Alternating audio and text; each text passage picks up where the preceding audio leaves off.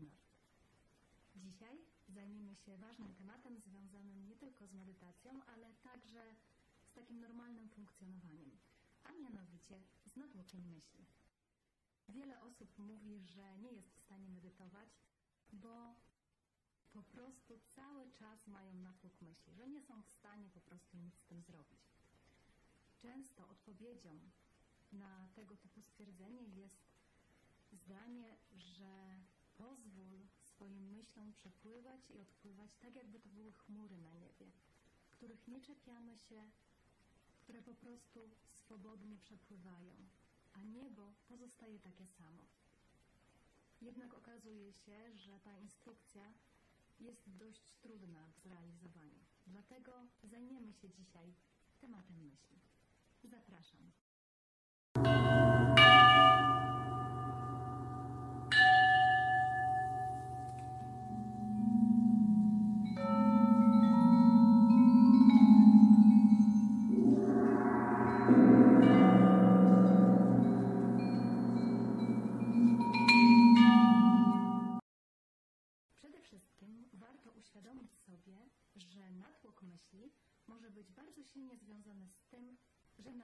Jest nieuporządkowany.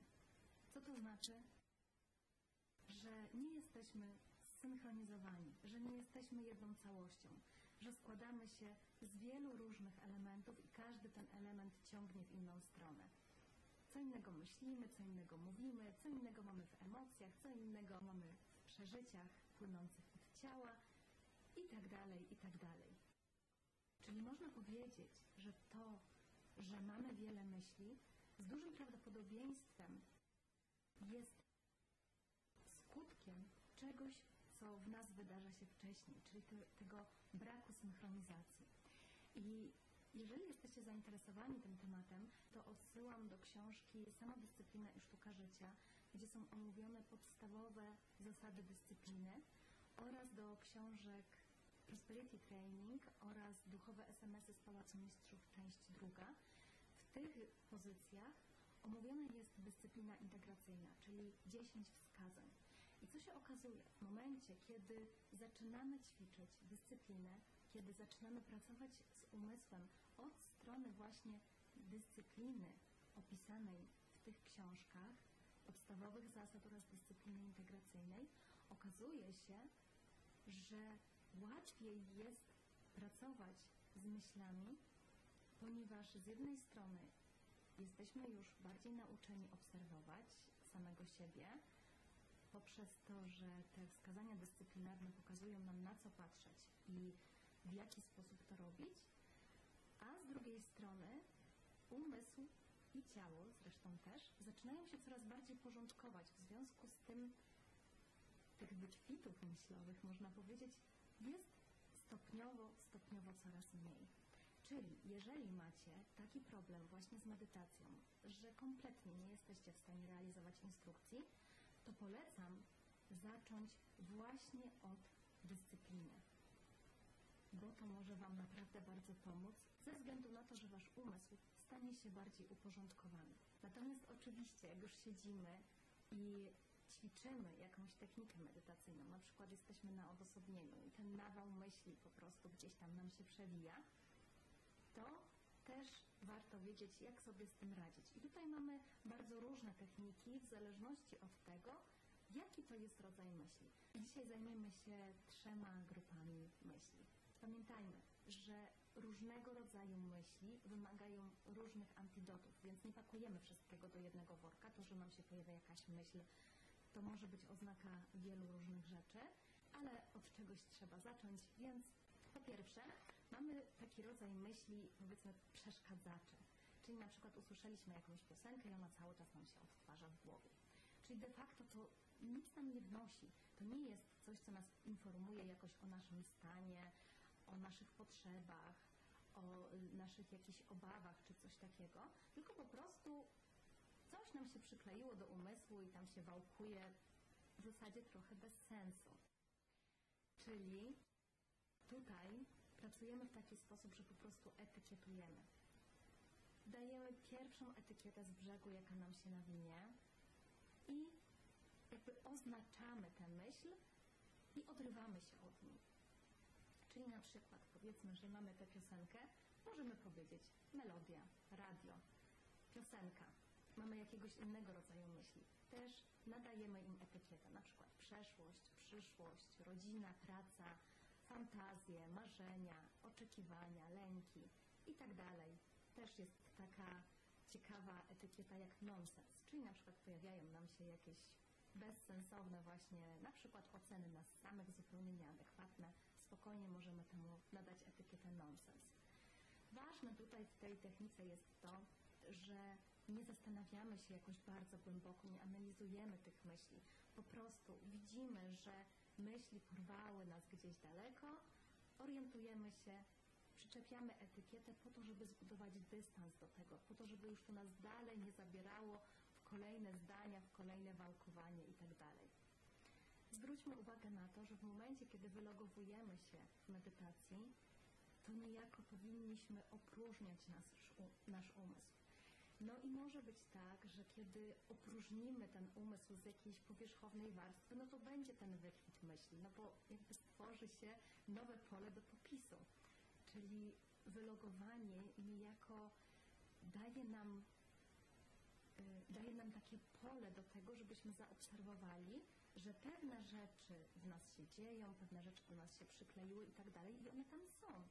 Tylko właśnie akurat poprzez to, że akurat przestaliśmy się zajmować czymś innym, czym się normalnie zajmujemy, pojawiło się wylogowanie, no to może być właśnie taki efekt wyrzucenia, jakby zabałaganienia, żeby znowu ta przestrzeń była zabałaganiona. Dlatego jedną właśnie z takich technik jest etykietowanie. Drugą, dosyć istotną, jest zwrócenie uwagi na to, że czasami pewne myśli są sygnałem tego, że nie zajęliśmy się czymś, czym powinniśmy się zająć. Czyli odkładamy cały czas na przykład jakąś ważną rozmowę, której możemy się na przykład obawiać, bo nie wiemy, jaki będzie efekt, nie wiemy, jak druga strona zareaguje. Może to będzie jakaś y, nieprzyjemna rozmowa, no i odwlekamy ją. W momencie, kiedy siadamy, wylogowujemy się, może być tak, że te myśli gdzieś dobijają się i przypominają o sobie, hej, nie zająłeś się mną, a już tydzień temu miałeś porozmawiać z XYZ na temat czegoś tam. Podobnie może być z przeżyciami, czyli na przykład w pracy ktoś nas dotknął, nie mogliśmy mm, w jakiś sposób wyrazić tego, bo to był na przykład nasz szef, przełożony i tak dalej, no ale gdzieś w nas siedzi jakaś uraza. Może być też tak, że ponieważ nie zajęliśmy się tymi emocjami, one gdzieś później będą się odbijać na przykład właśnie jako ekspresja pewnego rodzaju myśli i wtedy w takim przypadku po prostu wyznaczamy termin. Kiedy widzimy, że to dotyczy czegoś, czego w tym momencie nie jesteśmy w stanie załatwić, ale na przykład powinniśmy w pewnym momencie się tym zająć, wyznaczamy termin, który jest realny. Czyli nie tak na zasadzie, że a za 15 minut, chociaż wiem, że za 15 minut wychodzę, tylko wyznaczamy realny termin zajęcia się tą sprawą to powinno odpuścić tego rodzaju myśli, oczywiście na jakiś czas, bo jeżeli się tym nie zajmiemy, to z dużym prawdopodobieństwem one wrócą. I jeszcze ostatnia kategoria myśli, którą bardzo krótko omówię, są to myśli, które są ekspresją pewnych czynników mentalnych. Na tym kanale macie naprawdę już sporo materiału na ten temat, więc jeżeli oglądacie systematycznie nasze filmy, to myślę, że co nieco już wiecie.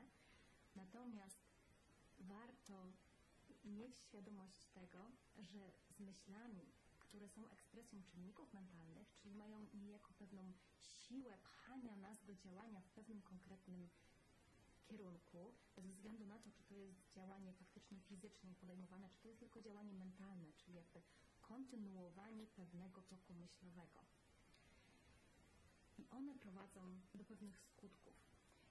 Tutaj przy takich myślach dwa pierwsze kroki to jest po pierwsze przenoszenie uwagi, czyli na przykład jeżeli mam myśl związaną z zazdrością, na przykład ktoś komuś lepiej idzie w pracy, ktoś dostał awans, y, ktoś ma lepszy dom, ktoś ma fajniejszego partnera czy partnerkę, ktoś ma pewne parametry, które ja bym chciała mieć gdzieś tam w środku. Jakaś taka igła się wbija, że kurczę, ja tego nie mam, jest mi źle z tego powodu i tamta osoba jakby nie powinna tego mieć, bo przecież ja to powinnam mieć. Więc jeżeli pojawiają Wam się tego typu myśli, to pierwsze, co robimy, to jest przenoszenie uwagi. Zauważcie, że w różnych tekstach, na przykład chrześcijańskich, y, jest takie, mm, są takie rady, że jeżeli na przykład coś tam diabeł cię kusi w jakimś tam kierunku, to czytaj święte teksty. Dlaczego? Między innymi dlatego, żeby pierwszej kolejności przenieść uwagę na coś, co jest bardziej zdrowe. No ale jeżeli to przenoszenie uwagi nie pomaga i na przykład po jakimś czasie orientujemy się, że to dalej w nas siedzi i dalej się wałkuje, to drugi etap to jest rozważanie, jakie będą skutki tego, co się właśnie teraz w moim umyśle odbywa. Na tym ostatnim filmiku było wyraźnie mówione, że skutkiem, y, że skutkiem zazdrości jest to, że oddalamy od siebie realizację celów, których pragniemy. Czyli jeżeli na przykład chcemy mieć piękniejszy dom, ale zazdrościmy go swoim znajomym, rodzinie i tak dalej, no to skutkiem będzie to, że oddalamy od siebie realizację. Czyli jeżeli moglibyśmy go mieć na przykład za rok, ten dom, to będziemy mieć za 5 lat, a może nawet za 10. Jeżeli faktycznie gdzieś dogłębnie dotrze do nas, jaki jest skutek tego, co robimy, to jest duże prawdopodobieństwo, że system postawi się, że coś w nas postawi się i nie będzie chciało tego typu myśli kontynuować. Jeżeli chcecie wie- wiedzieć więcej na temat tego, jak pracować z myślami w medytacji, to zachęcam do przejrzenia książek Medytacja Eliksir Trzeźwości, Medytacja i Szczęśliwy Stany Umysłu Metta oraz Sztuka Trzech Miłości. I oczywiście zapraszam do subskrybowania tego kanału, komentowania. Jeśli macie jakieś pytania, zostawcie w komentarzu i do zobaczenia.